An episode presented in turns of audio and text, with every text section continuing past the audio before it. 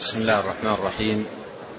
إن الحمد لله نحمده ونستعينه ونستغفره ونتوب إليه. ونعوذ بالله من شرور أنفسنا وسيئات أعمالنا. من يهده الله فلا مضل له ومن يضلل فلا هادي له. وأشهد أن لا إله إلا الله وحده لا شريك له. وأشهد أن محمدا عبده ورسوله. صلى الله وسلم عليه وعلى آله وأصحابه أجمعين. أما بعد فلا يزال الحديث عن أنواع الاستفتاحات المأثورة عن نبينا صلوات الله وسلامه عليه. وقد عرفنا أن هذه الاستفتاحات المتنوعة كلها أو كلها مشروعة. وكلها من سنة النبي الكريم عليه الصلاة والسلام. وأفضل ما يكون من حال المسلم مع هذه الاستفتاحات أن ينوع بينها إن استطاع سبيلا إلى ذلك. فيعمل بهذا مرة وبهذا مرة وهكذا. لأنها كلها قد ثبتت عن النبي صلى الله عليه وسلم والاختلاف فيها اختلاف تنوع. بمعنى أنها كلها أنواع صحيحة يشرع للمسلم أن يستفتح بأي منها في صلاته. وعرفنا أن هذه الأنواع للاستفتاحات ترجع في الجملة إلى ثلاثة أنواع. نوع هو ذكر لله عز وجل وثناء عليه. ونوع إخبار عن عبودية العبد لله عز وجل وامتثاله لأمره. ونوع فيه دعاء ومسألة. وعرفنا أن أفضل هذه الاستفتاحات ما كان ثناء على الله عز وجل. وقد مر معنا في هذا الباب حديث جبير بن مطعم الاستفتاح بالله أكبر كبيرا والحمد لله كثيرا وسبحان الله بكرة وأصيلا ثلاث مرات. ومر معنا كذلك الاستفتاح بما جاء في حديث عائشة رضي الله عنها وغيرها من الصحابة بسبحانك اللهم وبحمدك وتبارك اسمك وتعالى جدك ولا إله غيرك.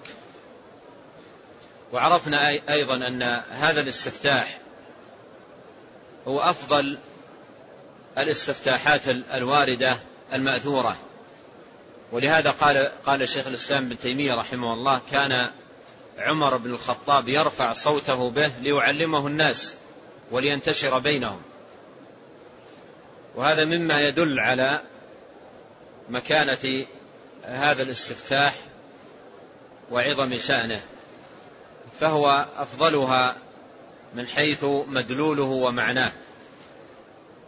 مر معنا فيما وصلنا إليه في الاستفتاحات حديث علي رضي الله عنه قال كان رسول الله صلى الله عليه وسلم إذا قام إلى الصلاة قال وجهت وجهي للذي فطر السماوات والأرض حنيفا إلى آخره. وعرفنا أن هذا الاستفتاح قائم على إظهار العبودية والامتثال لأمر الله عز وجل والقيام بطاعته وتحقيق العبادة له. وفيه كذلك الدعاء والسؤال. فيه سؤال الله عز وجل الهداية لأحسن الأخلاق وأن يعيذ من سيئها فيه طلب مغفرة الذنوب فهو قائم على أمرين. قائم على إظهار العبودية وإخبار العبد بعبوديته لله سبحانه وتعالى وعلى الطلب والسؤال وعلى الطلب والسؤال.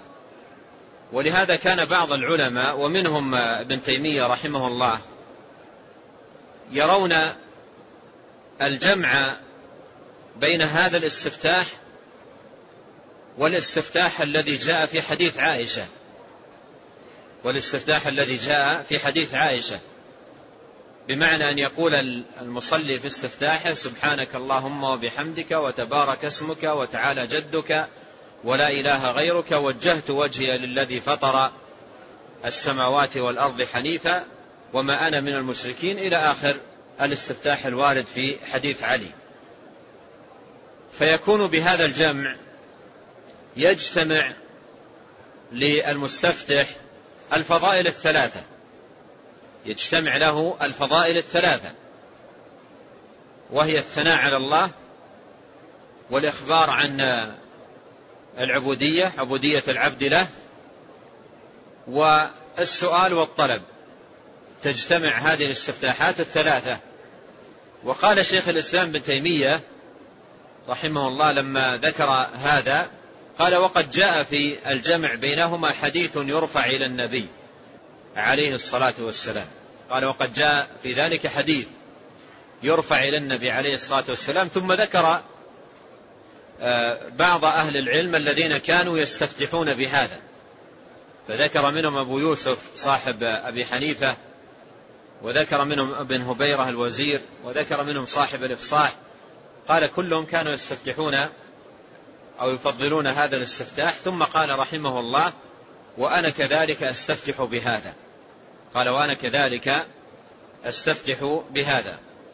فعلى كل حال هذا كله من آه، الاستفتاحات آه، المشروعة آه، الثابتة عن النبي عليه الصلاة والسلام سواء بدأت بما جاء في حديث جبير سواء استفتحت بما جاء في حديث جبير أو في حديث عائشة أو حديث أبي هريرة أو حديث علي رضي الله آه، عن الصحابة أجمعين فهذه كلها استفتاحات مشروعة مأذون بها ثابتة عن نبينا الكريم صلوات الله وسلامه عليه. ومن العلماء من كما عرفنا من استحسن الجمع بين ما جاء في حديث عائشة وغيرها وبين وما جاء في حديث علي بن أبي طالب ومنهم شيخ الإسلام ابن تيمية مصنف هذا الكتاب رحمه الله. ثم بعد ذلك انتقل المصنف رحمه الله لإيراد جملة من أو بعض الاستفتاحات التي هي تتعلق بصلاة الليل تتعلق بصلاة الليل وقيام الليل. نعم. الحمد لله والصلاة والسلام على رسول الله. قال المصنف رحمه الله ومما جاء في, صلاة الليل حديث عائشة رضي الله عنها قالت كان رسول الله صلى الله عليه وسلم يفتتح صلاته إذا قام من الليل. اللهم رب جبريل وميكائيل وإسرافيل وإسرافيل فاطر السماوات والأرض عالم الغيب والشهادة أنت تحكم بين عبادك فيما كانوا فيه يختلفون. اهدني لما اختلف فيه من الحق بإذنك إنك تهدي من تشاء إلى صراط مستقيم. خرجه مسلم. قوله رحمه الله ومما جاء في صلاة الليل. يعني ومما جاء من الاستفتاحات في صلاة الليل. وقوله ومما أي ومن ما من للتبعيض فهذا فيه أن الاستفتاحات التي جاءت في صلاة الليل أنواع.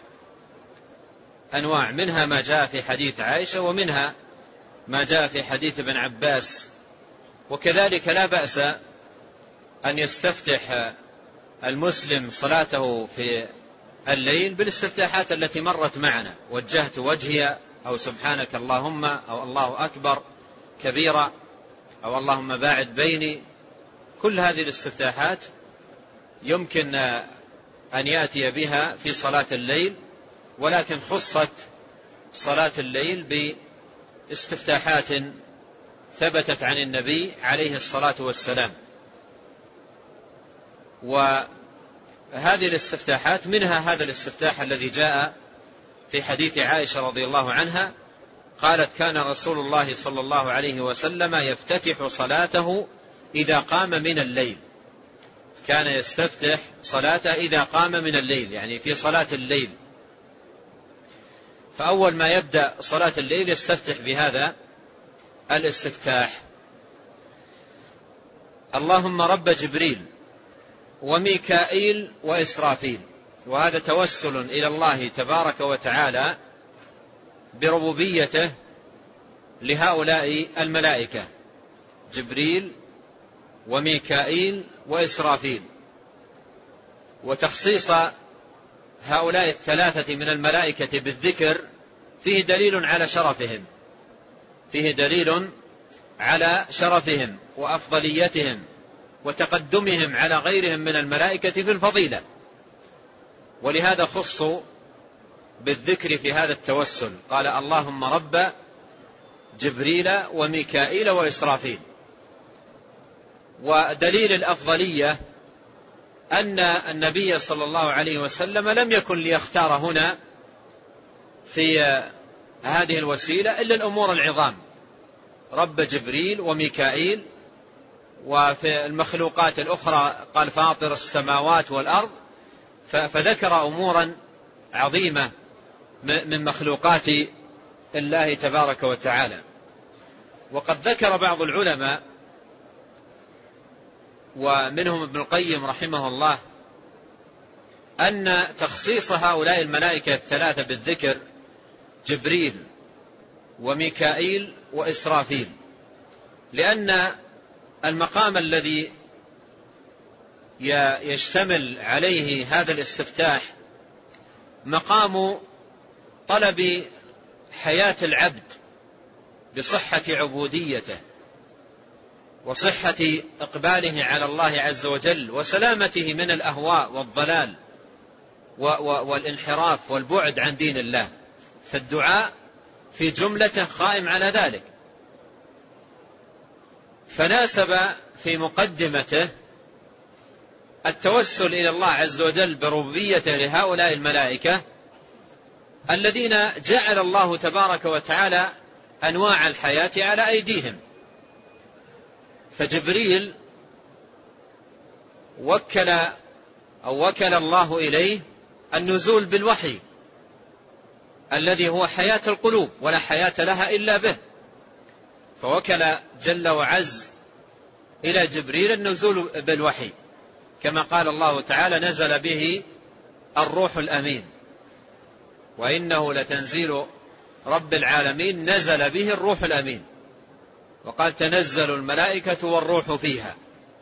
فالروح هو جبريل وسمي روحا لأنه ينزل بالوحي. الذي به حياة القلوب كما أن الوحي نفسه سمي روحا لأن به حياة القلوب. قال الله تعالى وكذلك أوحينا إليك روحا من أمرنا. فسمى تبارك وتعالى الوحي روحا وسمى من ينزل بالوحي وهو جبريل روحا الروح الأمين. وسمي بالروح الأمين لأنه ينزل بالوحي الذي الذي به حياة القلوب. إذا هذا نوع من الحياة وكل آه، بها جبريل عليه السلام. قال وميكائيل وميكائيل هو الملك الذي وكل الله تبارك وتعالى إليه القطر نزول المطر. ونزول المطر كما لا يخفى به حياة العباد والنبات والحيوان وجعلنا من الماء كل شيء حي. فهذا نوع من الحياة وكل إليه وكل إلى هذا الملك. نزول القطر. قال وإسرافيل. وأيضا هذا وكل إليه نوع آخر من الحياة لأن إسرافيل هو الذي أمره الله تبارك وتعالى أو وكل إليه النفخ في الصور. والصور كما قال عليه الصلاة والسلام قرن ينفخ فيه. قرن ينفخ فيه. وإذا نفخ في الصور صائق من في السماوات ومن في الأرض إلا من شاء الله. وإذا نفخ فيه نفخة ثانية قام الناس لرب العالمين. فهذا النفخ به حياة الناس. وقيامهم لرب العالمين من موتتهم ومن رقدتهم ومن رقدتهم في قبورهم. فإذا نفخ إسرافيل في الصور النفخة الأخيرة قام الناس لرب العالمين. قال الله تعالى ونفخ في الصور فصعق من في السماوات ومن في الأرض إلا من شاء الله ثم نفخ فيه أخرى فإذا هم قيام ينظرون وأشرقت الأرض بنور ربها. فهذه النفخة تكون بها حياة الناس وقيامهم لرب العالمين. فهذا نوع من الحياة وكل إليه أو وكل أمره إلى هذا الملك. والذي يطلبه العبد في هذا الدعاء وفي هذا الاستفتاح حياة قلبه باستقامته على شرع الله وعلى دينه وعلى البعد عن الأهواء والبدع والضلالات والانحرافات فكان في غاية المناسبة وتمام الموافقة أن يؤتى بهذا التوسل بين يدي هذا المطلب العظيم والمقصد الجليل. قال اللهم رب جبريل وميكائيل وإسرافيل. ويتضمن هذا الاستفتاح الإيمان بالملائكة. الإيمان بالملائكة. والإيمان بأسمائهم الواردة في كتاب الله عز وجل وسنة نبيه صلوات الله وسلامه عليه. فالإيمان بهم ركن من أركان الإيمان وأصل من أصوله العظام.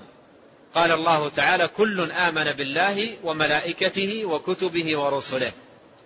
فعد تبارك وتعالى الإيمان بهم في جملة أركان الإيمان. قال اللهم رب جبريل وميكائيل وإسرافيل فاطر السماوات والأرض. هذا توسل آخر. توسل آخر إلى الله عز وجل بكونه فاطر السماوات والأرض. أي مبدع السماوات والأرض وموجد السماوات والأرض من العدم. فهو الذي فطرهما أي أوجدهما من العدم تبارك وتعالى. فهذا توسل آخر إلى الله عز وجل بكونه فاطر السماوات والأرض. قال عالم الغيب والشهادة وهذا توسل ثالث إلى الله عز وجل بشمول علمه وسعته وأنه تبارك وتعالى وسع كل شيء علما. علم الأمور الظاهرة والخفية. علم السرائر والمعلنات. علم ما علم خائنة الأعين وما تخفي الصدور. عالم الغيب والشهادة. عالم الغيب والشهادة. والغيب المراد به ما غاب عنا نحن. ما غاب عنا نحن. أما في حق الله فليس هناك غيب. في حقه تبارك وتعالى ليس هناك غيب. الغيب عنده شهادة والسر عنده علانية تبارك وتعالى. فقوله عالم الغيب أي عالم ما غاب عن الناس. عالم الغيب أي عالم ما غاب عن الناس. فما من غائبة إلا والله تبارك وتعالى أحاط علمه بها. أحاط علمه بها. يعلم آه، آه، آه، خوافي الأمور كما يعلم تبارك وتعالى ظواهرها. ولهذا من أسمائه تبارك وتعالى الخبير. من أسماء الحسنى الخبير. والخبير معناه الذي يعلم بواطن الأمور وخفايا الأشياء كما يعلم ظاهرها. ولهذا قال لقمان الحكيم لابنه في موعظته العظيمة التي ذكر ذكرها الله تبارك وتعالى في القرآن قال يا بني إنها إن تكن مثقال حبة من خردل فتكن في صخرة أو في السماوات أو في الأرض يأتي بها الله. إن الله لطيف خبير. لاحظ ختمة بهذا الاسم. إن الله لطيف خبير. فالخبير هو الذي يعلم خوافي الأمور. وبواطن الأشياء كما يعلم ظواهرها وجليها. قال عالم الغيب. الغيب أي كل ما غاب عن الناس فإن علم الله تبارك وتعالى محيط به. لا تخفى عليه خافية في الأرض ولا في السماء. والشهادة أي الأمور المشاهدة المعاينة المحسوسة فعلم الله تبارك وتعالى محيط بها. فهذا فيه التوسل إلى الله تبارك وتعالى بعلمه المحيط علمه الواسع الشامل الذي وسع كل شيء. ثم أيضا قال أنت تحكم بين عبادك فيما كانوا فيه يختلفون. وهذه وسيلة أخرى يتوسل بها إلى الله تبارك وتعالى وهي الإقرار بأن الحكم لله أن الحكم لله تبارك وتعالى. له الحكم تبارك وتعالى ليس لغيره. قال الله تعالى إن الحكم إلا لله. إن الحكم إلا لله. وقال تعالى أفحكم الجاهلية يبغون؟ ومن أحسن ومن أحسن ومن أحسن من الله حكما لقوم يوقنون. ومن أحسن من الله حكما لقوم يوقنون.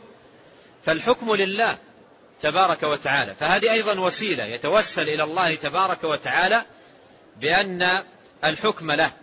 قال أنت تحكم بين عبادك فيما كانوا فيه يختلفون. ولهذا الواجب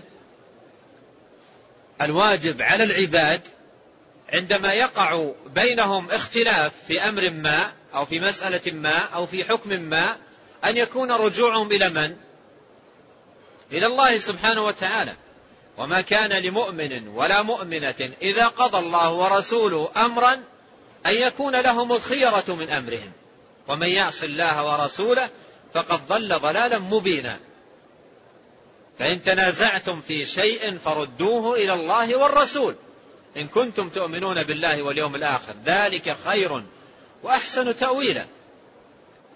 فالحكم في فيما يختلف فيه الناس مرجع إلى الله سبحانه وتعالى.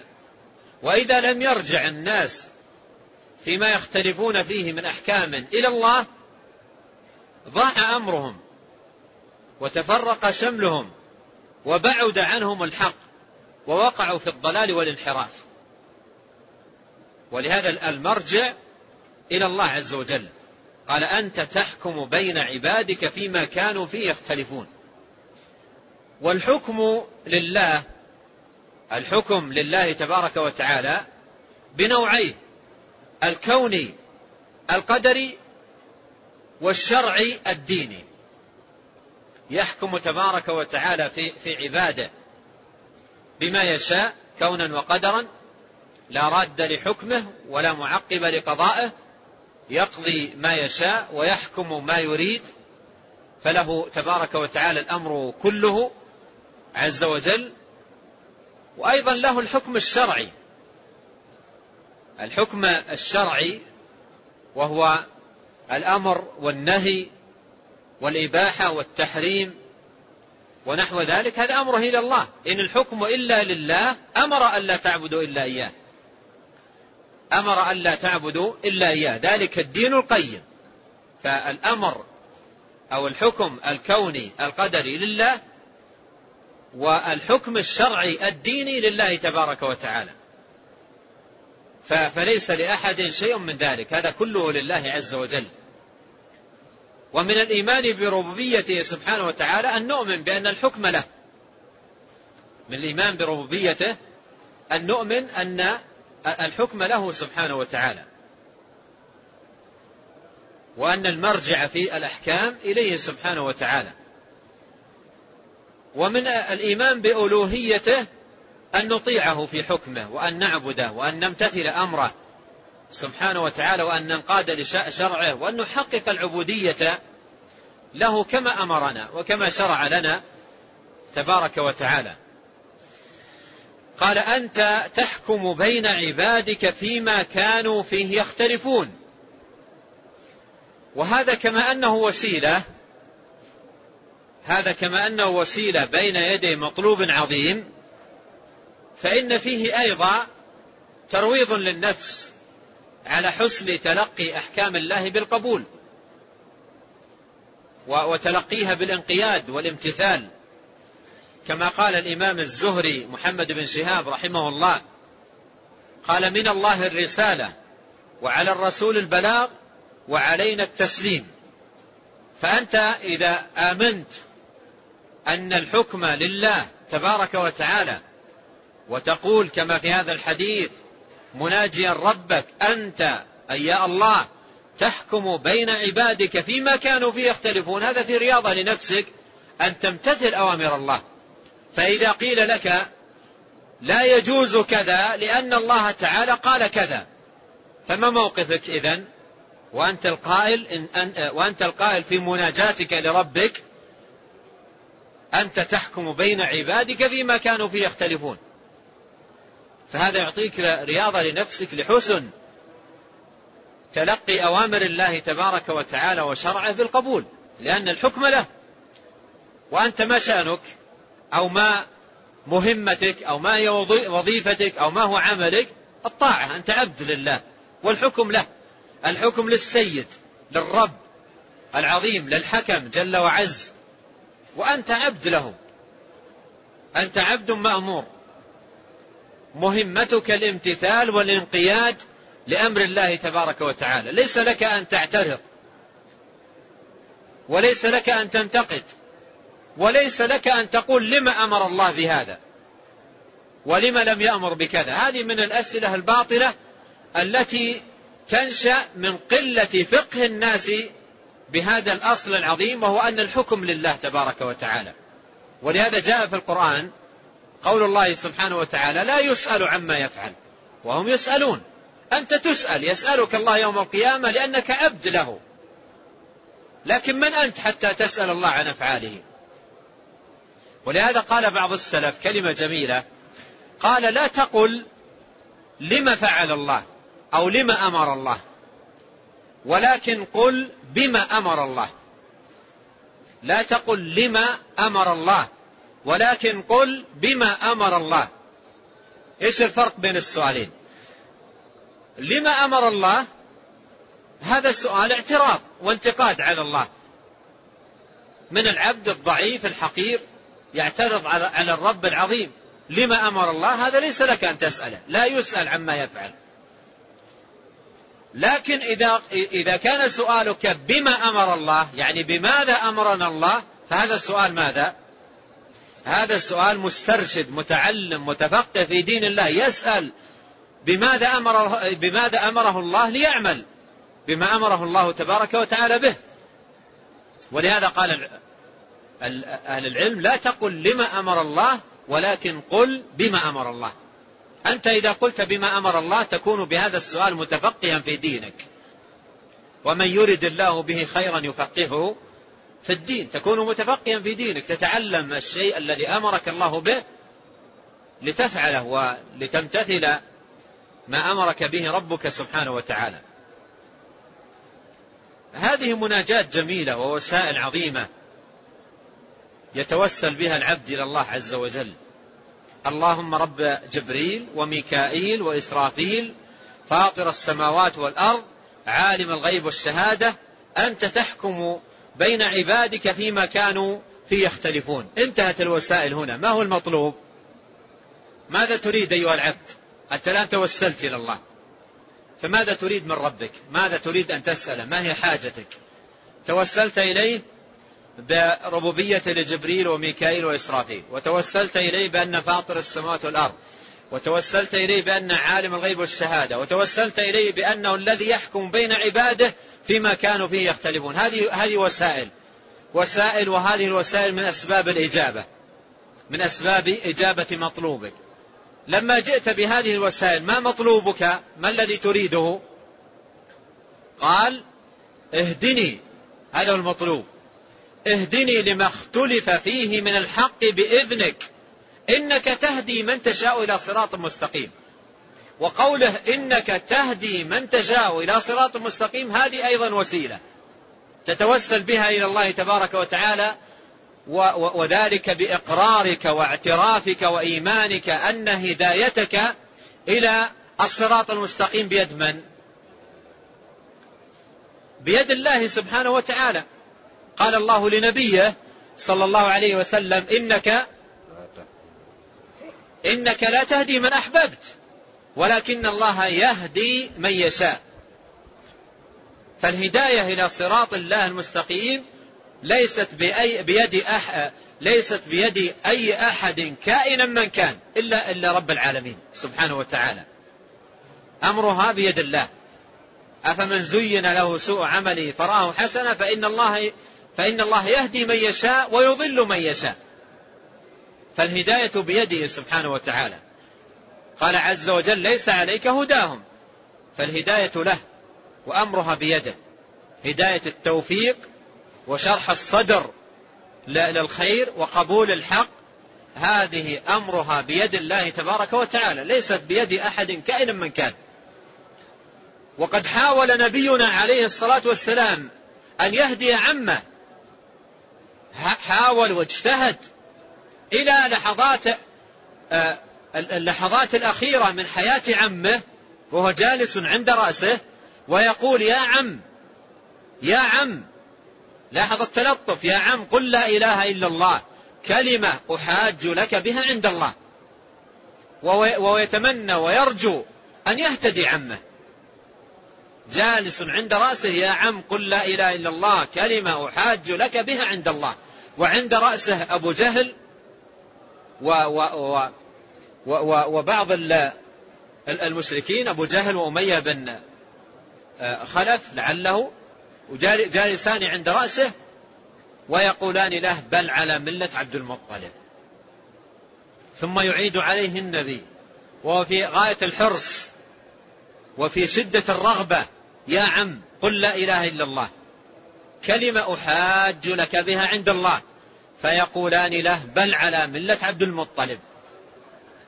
فمات وهو قائل وهو يقول هو على ملة عبد المطلب. أبى أن يقول لا إله إلا الله. أبى أن يقول لا إله. مات وهو يقول بل على ملة عبد المطلب.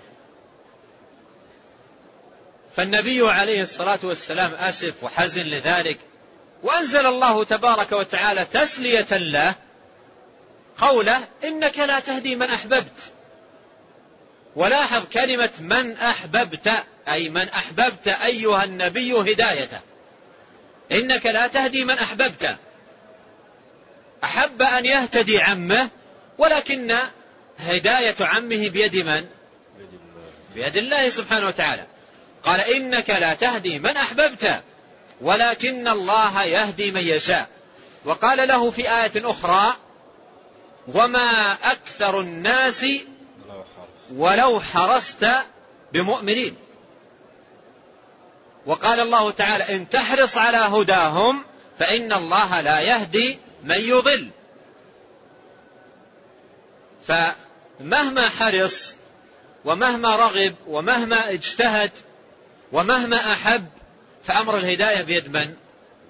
أمر الهداية بيد الله سبحانه وتعالى. ولهذا تقول أنت هنا في توسلك إلى الله جل وعلا إنك تهدي من تشاء. يعني من تشاء هداية يا رب. إنك تهدي من تشاء إلى صراط مستقيم. فالهداية بيد الله سبحانه وتعالى.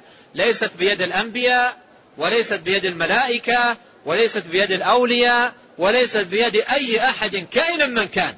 الهداية بيد الله. نسأل الله عز وجل أن يهدينا أجمعين وأن يصلح قلوبنا أجمعين وأن يأخذ بنواصينا إلى صراطه المستقيم. الهداية بيده الهداية بيده سبحانه وتعالى. ولا تطلب إلا منه ولا يلتجى في طلبها إلا منه سبحانه وتعالى. إذا هذه وسيلة أخرى إلى الله سبحانه وتعالى. إنك تهدي من تشاء إلى صراط مستقيم. المطلوب ما هو؟ نعود إليه. المطلوب اهدني لما اختلف آه، لما اختلف فيه من الحق بإذنك. اهدني لما اختلف فيه من الحق بإذنك. هذا فيه أن الناس يقع فيهم وبينهم وعندهم اختلاف في الحق. اختلاف في الحق. وتجد الناس لهم أقوال. تجد لهم أقوال. أقوال عديدة. تجد المسألة الواحدة أو الحكم الواحد للناس فيه أقوال. مشرق ومغرب. وبعض الناس أحيانا يحتار. بعض الناس أحيانا يحتار في بعض المسائل ما يدري ما الصواب فيها وما الحق. وبعض الأحكام قد تشتبه على كثير من الناس وليس على قليل منهم. وإذا شئت دليلا لذلك فاقرأ حديث النعمان بن بشير. قال عليه الصلاة والسلام إن الحلال بين وإن الحرام بين وبينهما أمور مشتبهات لا يعلمهن كثير من الناس. لا يعلمهن كثير من الناس. الشاهد أن الأمور والأحكام والمسائل قد تشتبه على الإنسان وقد يخفى عليه حكمها. أمر أعظم من هذا. قد ينشأ الإنسان وهذه يا أخوان لا بد أن ننتبه لها. لا بد أن ننتبه لها لا بد أن نفتح صدورنا قليلا. قد ينشأ الإنسان من صغره على عمل تربى عليه وترعرع عليه ونشأ عليه من صغره ولكنه مخالف للسنة. لا دليل عليه من كتاب الله ولا دليل عليه من سنة رسول الله عليه الصلاة والسلام ولم يفعلها الصحابة. لكنه من صغره منذ ولد منذ نشأ وهذا العمل ينشأ معه. حتى بلغ ستين سنة خمسين سنة سبعين سنة وهو ناشئ على هذا العمل الذي هو ليس من دين الله وليس من سنة رسول الله عليه الصلاة والسلام.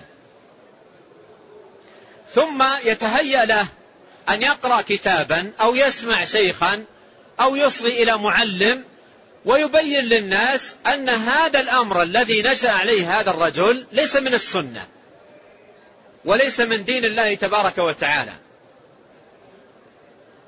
فعندما يسمع هذا الرجل الذي عمره ستين أو سبعين أو ثمانين أن هذا الأمر الذي ولد عليه ونشأ عليه وجماعته كلهم عليه الأب والأم والخال والعم والجيران كلهم على هذا العمل ثم يفاجأ أنه ليس من السنة يبقى في مشكلة في قلبه. يبقى في مشكلة في في قلبه. ما هي المشكلة؟ هل يقبل السنة التي استبانت له؟ واتضحت له وظهر له دليلها ويترك ما عليه من الآباء أو يكون كما يعبر بعض بعض العوام أو يكون عصاميا ثابتا جبلا غير متزحزح يثبت على ما هو عليه. الذي عليه الآباء والأجداد هو الحق ولو, ولو, ظهرت السنة. ما يمكن يكون الوالد والأب والجد والخال والعم والكل ناشئين على خطأ وكل هذه السنوات نعيش على خطأ مش ممكن هذا يقول. فتجده بين اضطراب في نفسه. في اضطراب هل يترك ما عليه الآباء والأجداد وال ويقبل السنة ويأخذ بها أو أنه يمتنع من قبول السنة محافظة على ماذا؟ محافظة على ما, ما نشأ عليه. أيضا عنده مشكلة أخرى. عنده مشكلة أخرى. لو, ما لو أخذ بالسنة وقبلها وتمسك بها ورجع إلى أهله يحمل السنة. رجع إلى أهله يحمل السنة. ماذا, ماذا سيواجه؟ إذا رجع إليهم وهو يحمل السنة ماذا سيواجه؟ سيواجه أيضا مشكلة بينه وبين أهله. ولهذا بعضهم بعضهم عندما تتضح له السنة بالدليل ويقتنع أنها سنة فعلا يقتنع. ويراها واضح أنها سنة مثل الشمس تجد يسألك والبعض يسأل, يسأل هذا السؤال. يقول والله هذا صحيح هذه السنة. لكن إيش أصنع الآن لما أرجع ل... لما أرجع إلى الآباء والأجداد والأقارب وال... يقول مشكلة أنا أبقى في مشكلة كبيرة جدا. وبعضهم شاء أم أبى تدخل عليه حجة قديمة. رد بها الكفار الحق إنا وجدنا آباءنا على أمة. بعضهم تدخل عليه شاء أبى فحقيقة هنا نحتاج إلى هذا الدعاء. نحتاج إلى هذا الدعاء حاجة كبيرة جدا. ابن تيمية رحمه الله كان دائما يوصي بهذا الدعاء كثيرا. يقول ألح على الله عز وجل بهذا الدعاء. اسأل الله كثيرا. بهذا الدعاء المبارك الذي وجه إليه النبي عليه الصلاة والسلام. لماذا؟ لأنك إذا ألححت على الله ورجوته كثيرا وانطرحت بين يديه كثيرا تسأله أن يهديك إلى ما, إلى ما اختلف فيه من الحق بإذنه تجد الأمور أمامك تتيسر. وأبواب الخير أمامك تنفتح. ومنارات السنة أمامك تظهر.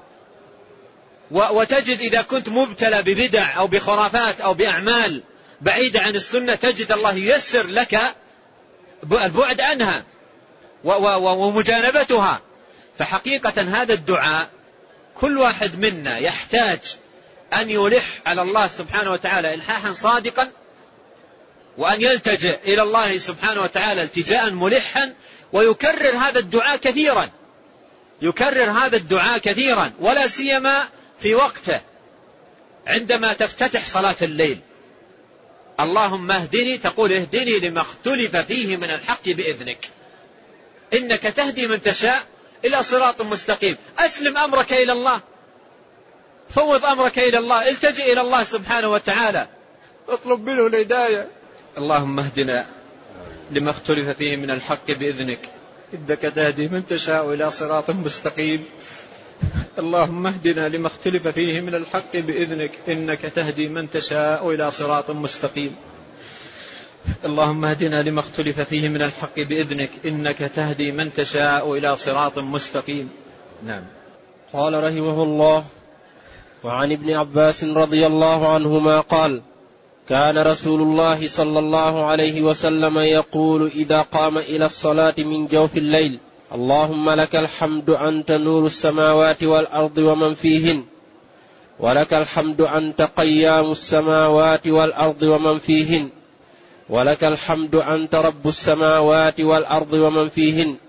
ولك الحمد أنت الحق ووعدك الحق وقولك الحق ولقاؤك حق والجنة حق والنار حق والنبيون حق ومحمد حق والساعة حق اللهم لك أسلمت وبك آمنت وعليك توكلت وإليك أنبت وبك خاصمت وإليك حاكمت فاغفر لي ما قدمت وما أخرت وما أسررت وما أعلنت أنت إلهي لا إله إلا أنت متفق عليه قال رحمه الله وعن ابن عباس رضي الله عنهما قال كان رسول الله صلى الله عليه وسلم يقول إذا قام إلى الصلاة من جوف الليل اللهم لك الحمد أنت نور السماوات والأرض ومن فيهن.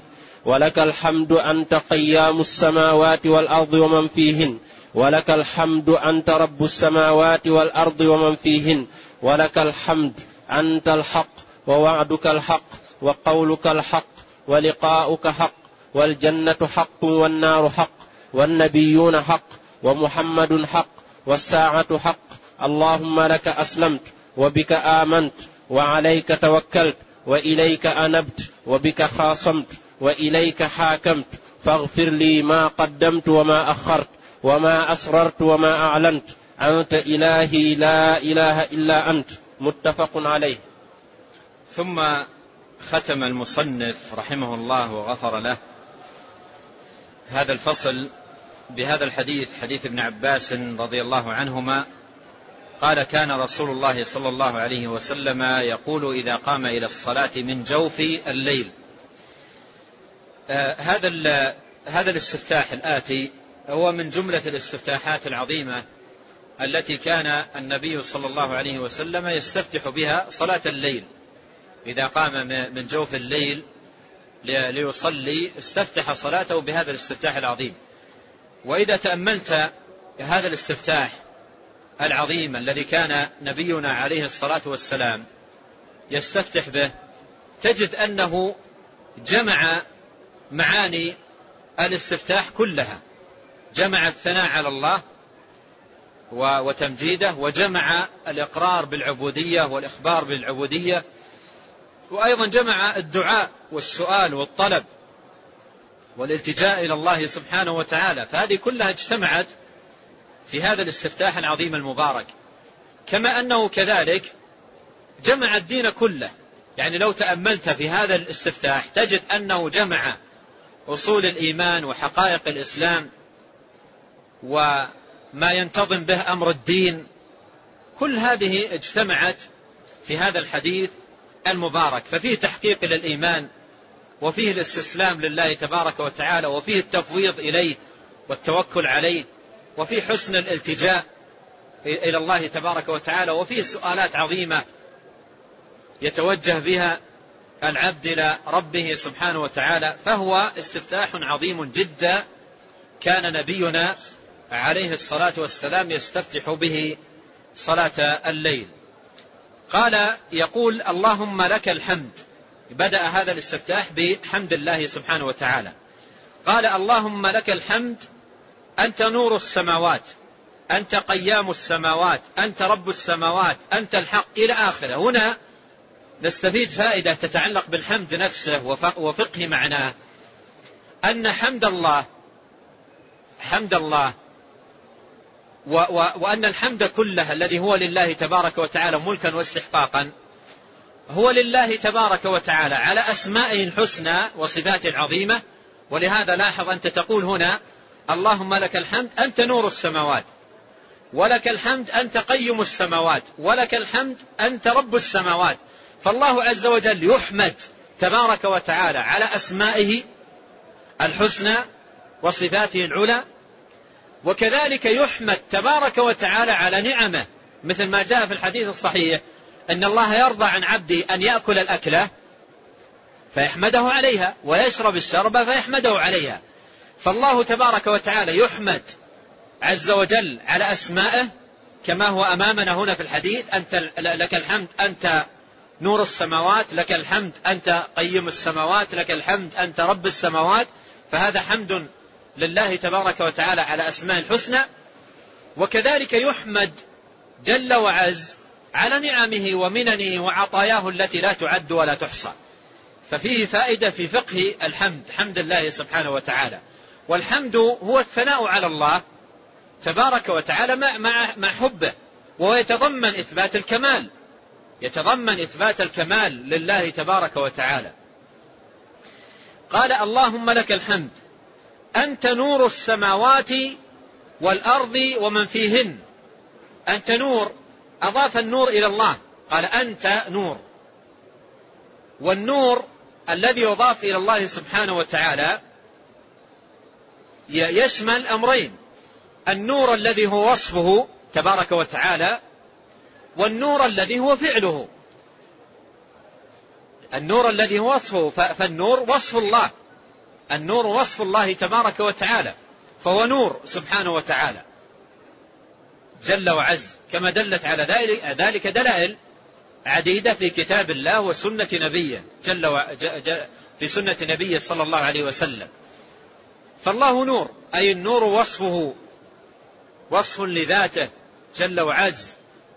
وصف لصفاته فهو نور وصفاته نور. والنور أيضا فعله.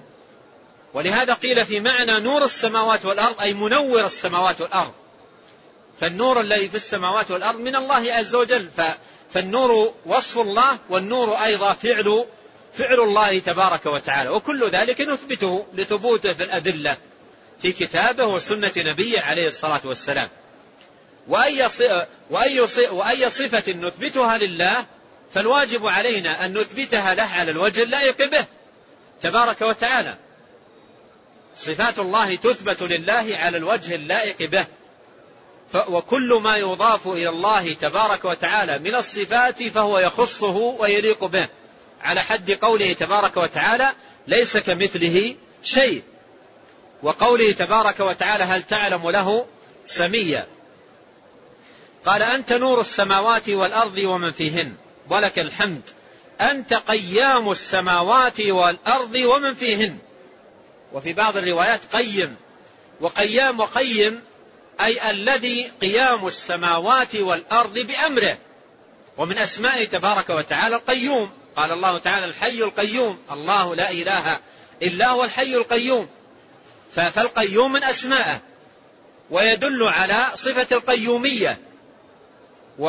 ومن دلائل اسمه القيوم ما جاء هنا في الحديث. قيام السماوات. يعني قيام السماوات والأرض بأمر الله تبارك وتعالى. قال الله تعالى ومن آياته أن تقوم السماء والأرض بأمره وقال تعالى إن الله يمسك السماوات والأرض أن تزولا. وقال الله تبارك وتعالى ولا يؤوده حفظهما. أي السماوات والأرض. وقال تعالى وما كان الله ليعجزه من شيء في السماوات ولا في الأرض. فهذا كله من آه، قيامه تبارك وتعالى بأمر هذه الكائنات. قيام السماوات والأرض يعني يا من قامت السماوات والأرض بأمره. يا من قيام السماوات والأرض بأمره فقيامها بأمر الله جل وعلا. قال قيام السماوات والأرض ومن فيهن. يعني من في السماوات من الملائكة ومن في الأرض من البشر والحيوانات والدواب كل ذلك ماذا؟ قيامه بأمر الله. قال الله تعالى في سورة الرعد أفمن هو قائم على كل نفس بما كسبت. أفمن هو قائم على كل نفس بما كسبت؟ ومع ذلك ماذا فعل الكفار؟ أفمن هو قائم على كل نفس بما كسبت وجعلوا لله شركاء؟ قل سموهم. سموهم اذكروهم لنا. ماذا عندهم؟ ماذا, لا ماذا بيدهم من الأمر؟ الله عز وجل بيده كل شيء وكل نفس قيامها بأمره. ويمسك السماوات والأرض. فهؤلاء الذين يدعون من دون الله ماذا عندهم؟ وماذا بيدهم؟ أفمن هو قائم على كل نفس بما كسبت وجعلوا لله شركاء؟ قل سموهم. أم تنبئونه بما لا يعلم في الأرض أم بظاهر من القول؟ بل زين للذين كفروا مكرهم وصدوا عن السبيل ومن يضلل الله فما له من هاج. قال أنت, قيم أنت قيام السماوات والأرض ومن فيهن ولك الحمد. أنت رب السماوات والأرض ومن فيهن. أياما لك الربوبية. ربوبية السماوات والأرض ومن في السماوات ومن في الأرض. و و و والرب يدل على صفة الربوبية. والله عز وجل رب السماوات ورب الأرض ورب من في السماوات ومن في الأرض. والربوبية تتناول معان كما ذكر العلماء. لا تتناول معنى واحد وإنما تتناول معان. فالرب المالك والرب السيد المطاع والرب المصلح والرب الخالق الرازق هذه كلها من معاني الربوبية. فقوله أنت رب السماوات والأرض يشمل خلقه للسماوات والأرض يشمل ملكه للسماوات والأرض يشمل تدبيره للسماوات والأرض يشمل رزقه لمن في السماوات والأرض كل هذه يتناولها آه، آه، ربوبيته تبارك وتعالى للسماوات والأرض. قال أنت رب السماوات والأرض ومن فيهن ولك الحمد أنت الحق. الحق اسم من أسماء الله. و و وأيضا صفة من صفاته لأن كل اسم يدل على صفة.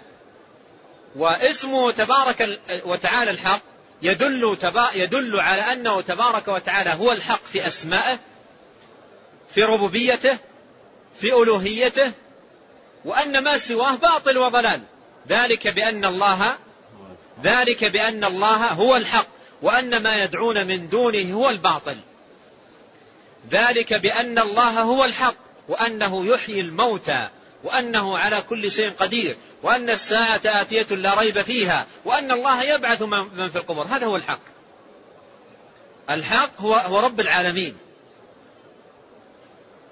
و و و و و وعبادته تبارك وتعالى هي العبادة الحق وعبادة من سواه باطل وضلال. قال أنت الحق. حق تبارك وتعالى في آه، في في في ربوبيته حق في ألوهيته حق في تفرده في تدبيره في أمره في نهيه في وجوب إفراده تبارك وتعالى بالعبادة وإخلاص الدين له. ولهذا معنى لا إله إلا الله أي لا معبود بحق إلا الله. فالله عز وجل هو المعبود بحق ولا معبود بحق سواه. وكان ابن عمر رضي الله عنهما يقول في تلبيته لبيك إله الحق لبيك إله الحق لبيك إله الحق. لأن لأنه تبارك وتعالى هو الإله الحق. وما سواه ألوهيته باطل وضلال. قال أنت الحق ووعدك الحق. أي وعد الله تبارك وتعالى حق. إن الله لا يخلف الميعاد. فكل ما يعد به تبارك وتعالى حق وواقع وكائن.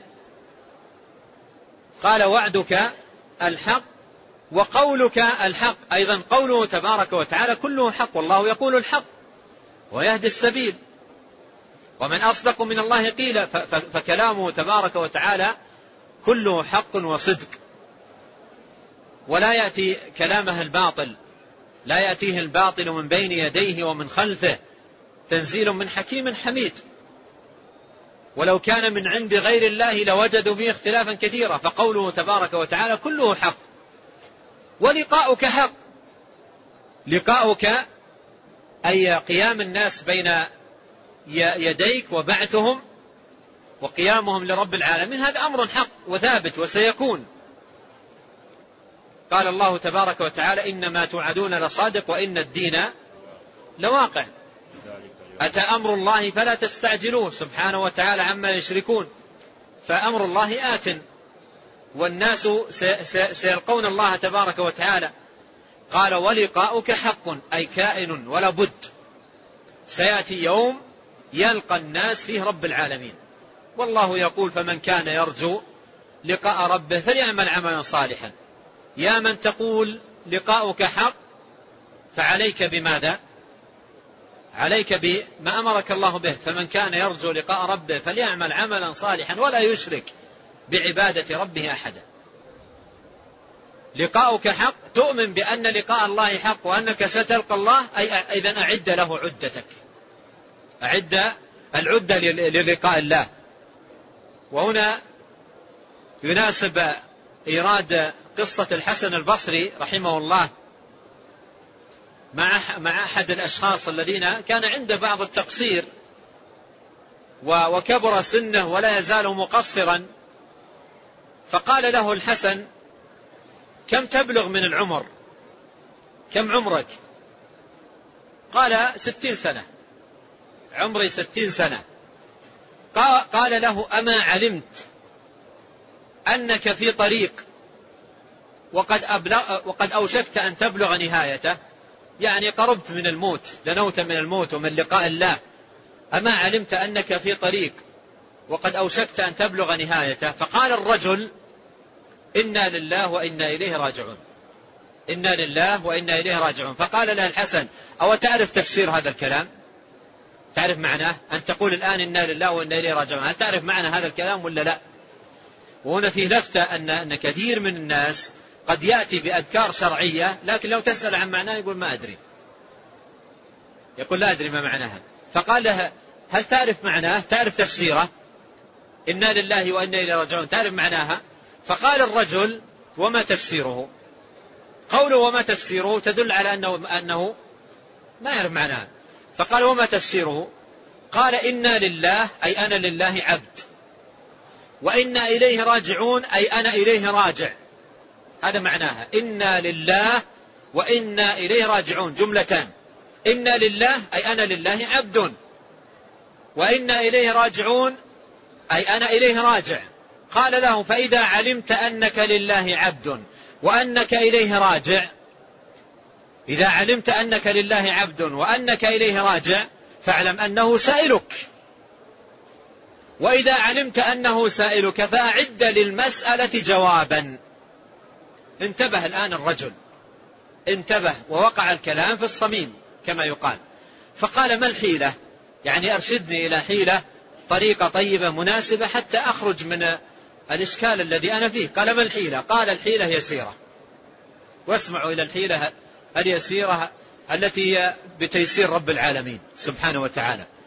قال الحيلة يسيرة. قال وما هي؟ قال أحسن فيما بقي. يغفر لك ما قد مضى. أحسن فيما بقي. يغفر لك ما قد مضى.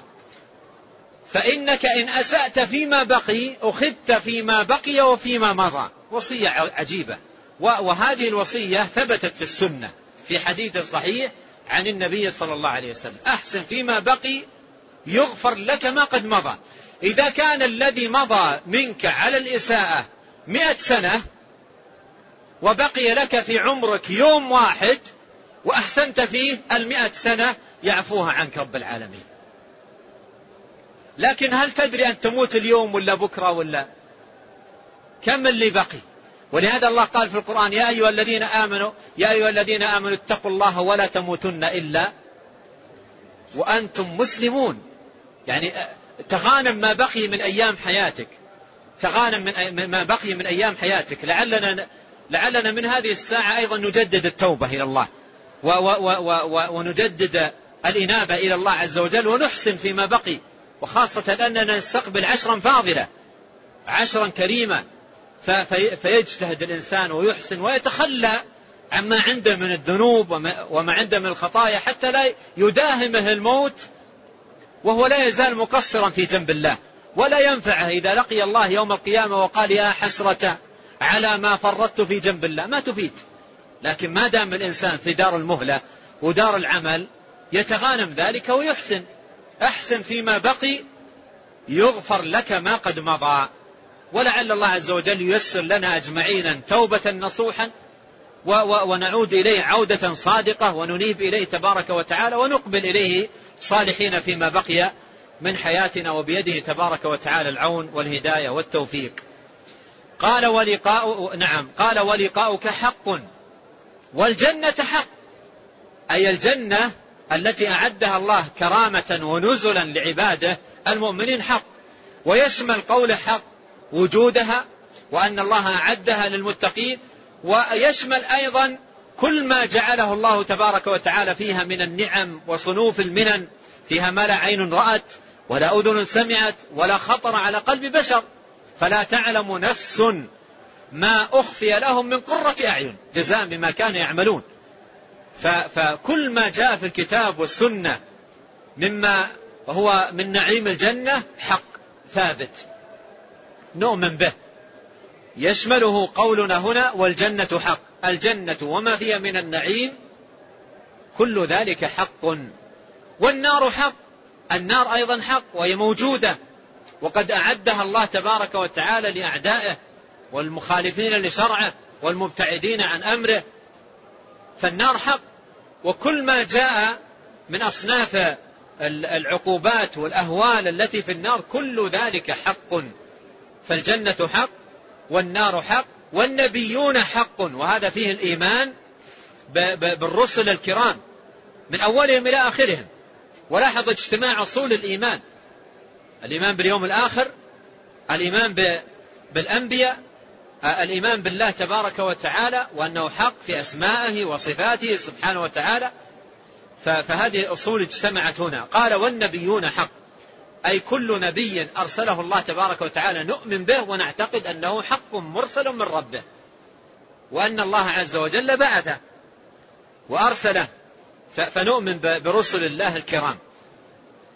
ويتضمن هذا أيضا الإيمان بالكتب التي أنزلت على الرسل. وقل, وقل آمنت بما أنزل الله من كتاب. قال والنبيون حق ومحمد حق مع أنه صلى الله عليه وسلم داخل في عموم قولنا والنبيون حق لكن خصه بالذكر لشرفه. وهذا دليل على شرف النبي عليه الصلاة والسلام وأن أفضل المرسلين أفضل المرسلين. وهو خاتمهم عليه الصلاة والسلام. ما كان محمد أبا أحد من رجالكم ولكن رسول الله وخاتم النبيين. قال ومحمد حق والساعة حق. الساعة يوم القيامة. الساعة من يوم القيامة ومن أسمائها. يسألك الناس عن الساعة. فالساعة هي يوم القيامة.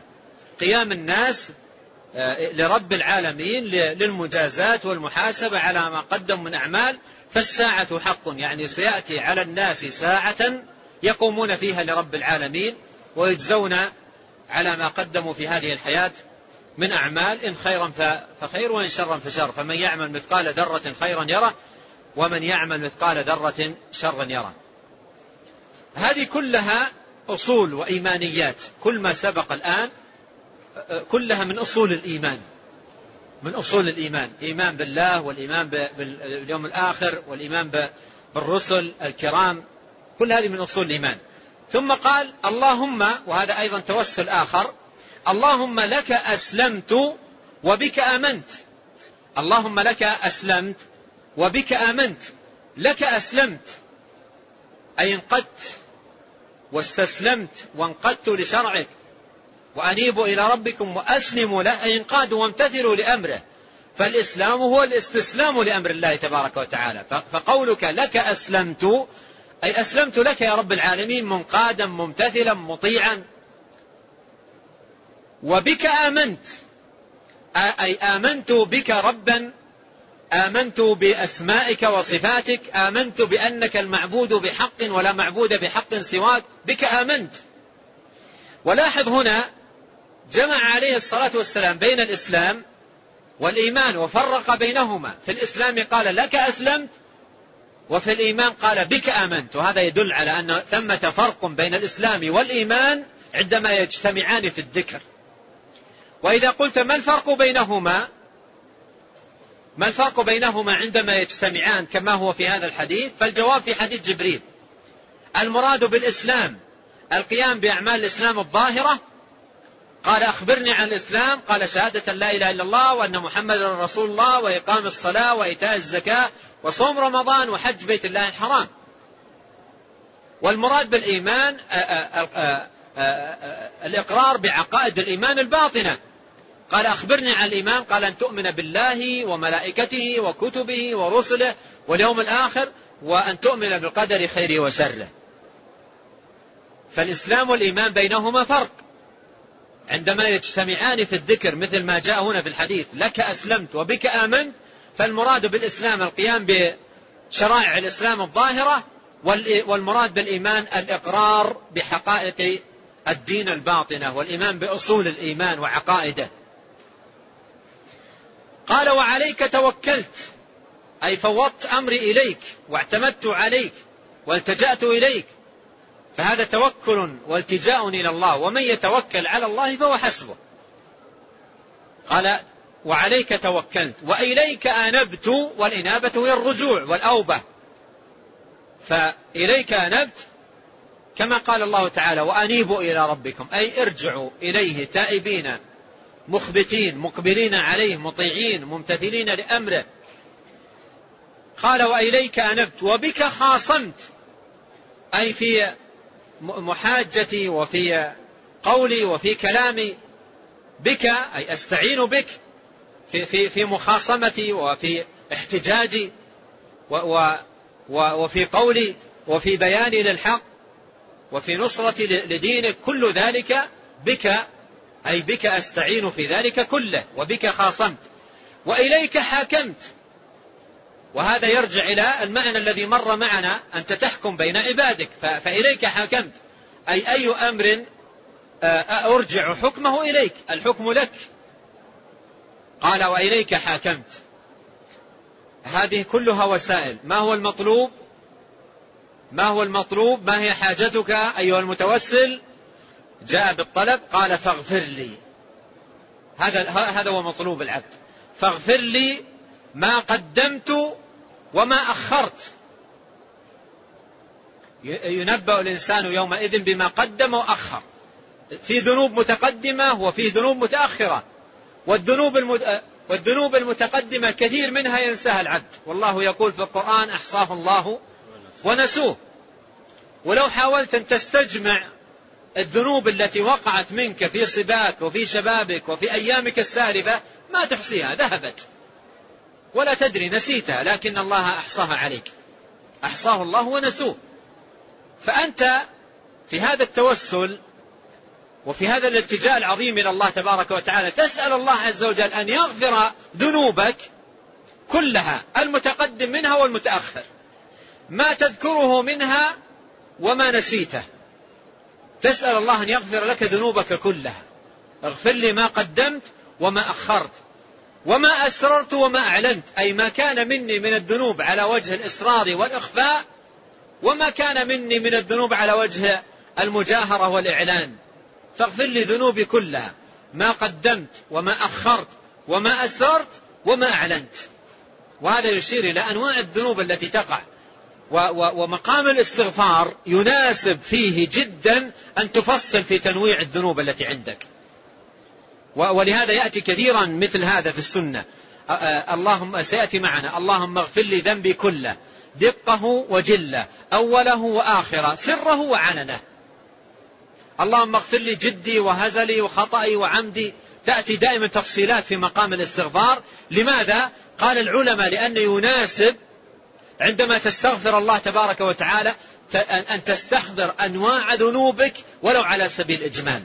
فهنا مثلا تستحضر أن لك ذنوب متأخرة وذنوب متقدمة وذنوب خفية وذنوب معلنة منوعة. ذنوبك ليست نوعا واحدا وإنما هي منوعة فتستحضر هذا في هذا المقام فهو أبلغ في مقام الاستغفار. أبلغ في مقام الاستغفار.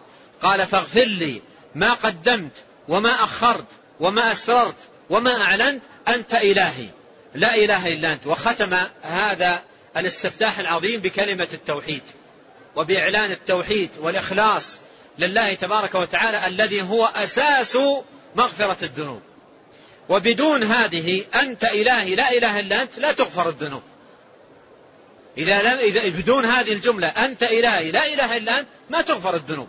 لا تغفر الذنوب إلا بالتوحيد. ولهذا قال الله في القرآن إن الله لا يغفر أن يشرك به ويغفر ما دون ذلك لمن يشاء. إذا لم يكن العبد على هذا الأصل أنت إلهي لا إله إلا أنت محققا له لا تغفر له ذنوبه. حتى لو استغفر آلاف المرات. ولهذا ختم به. قال أنت إلهي لا إله إلا أنت. فهذا فيه بيان أن التوحيد أساس مغفرة الذنوب. أنت إلهي أي أنت معبودي بحق ولا معبود لي بحق سواك. لا إله إلا أنت أي لا معبود لي بحق سواك. إذا هذا آه، آه، آه، استفتاح عظيم كان يستفتح به نبينا الكريم صلوات الله وسلامه عليه صلاة الليل. وهنا أفيدكم بفائدة. أحد العلماء يقول إذا سمعت بالحديث فاعمل به ولو مرة تكن من أهله. يعني هذا أضعف ما يكون. إذا سمعت بالحديث فاعمل به ولو مرة تكن من أهله. أما أننا نتركه كلية هذه مشكلة. إذا سمعت بالحديث فاعمل به ولو مرة. وهذه الكلمة إذا سمعت بالحديث فاعمل به ولو مرة هذه في السنن والمستحبات. ف وهذا الاستفتاح الاستفتاح به في صلاة الليل ليس واجبا. يعني لو استفتحت صلاة الليل سبحانك اللهم وبحمدك وتبارك اسمك وتعالى جدك ولا إله غيرك أجزاك. وأديت استفتاحا مطلوبا. لكن يناسب بعض المرات في استفتاحك لليل أو مرات عديدة حسب نشاطك أن تستفتح بهذا الاستفتاح المبارك. أن تستفتح بهذا الاستفتاح المبارك وأن تستحضر المعاني التي فيه حتى تكون بوابة لأنواع من الهداية ييسرها الله تبارك وتعالى لك من خلال اتباعك واقتدائك واهتدائك بسنة نبيك الكريم عليه صلوات الله وسلامه. وبهذا انتهى ما أراد المصنف إرادة رحمه الله فيما يتعلق بالاستفتاحات التي تشرع بين يدي الصلاة. ثم بعد ذلك شرع آه، رحمه الله في فصل جديد في آه، دعاء الركوع والقيام منه والسجود والجلوس بين السجدتين. وإلى هنا نقف وأريد أن أنبه الإخوة أنني آه، أتوقف عن التدريس ليوم الغد وأعود إن شاء الله يوم الجمعة فغدا لا يعني لا أتمكن من المجيء فأنبه لذلك وأسأل الله عز وجل لي ولكم التوفيق والسداد والهداية والرشاد وأسأله تبارك وتعالى متوجها إليه بما أرشدنا إليه نبينا صلى الله عليه وسلم فأقول اللهم رب السماوات السبع. اللهم رب جبريل وميكائيل وإسرافيل. فاطر السماوات والأرض عالم الغيب والشهادة رب كل شيء ومليكه. نعم أنت تحكم بين عبادك فيما كانوا فيه يختلفون؟ اهدنا لما اختلف فيه من الحق بإذنك. إنك تهدي من تشاء إلى صراط مستقيم. نسأل الله عز وجل أن يهدينا أجمعين. اللهم اهدنا إليك صراطا مستقيما. اللهم اهدنا إليك صراطا مستقيما. اللهم اهدنا إليك صراطا مستقيما. اللهم اهدنا واهد بنا واهد لنا ويسر الهدى لنا. واجعلنا هداة مهتدين. ولا تجعلنا ضالين ولا مضلين يا رب العالمين. اللهم أعذنا من البدع وأعذنا من الضلالات وأعذنا من الشرك. وخذ بنواصينا إلى الخير. ولا تكلنا إلى أنفسنا طرفة عين. يا سميع الدعاء يا حي يا قيوم يا ذا الجلال والإكرام. وآخر دعوانا أن الحمد لله رب العالمين وصلى الله وسلم على نبينا محمد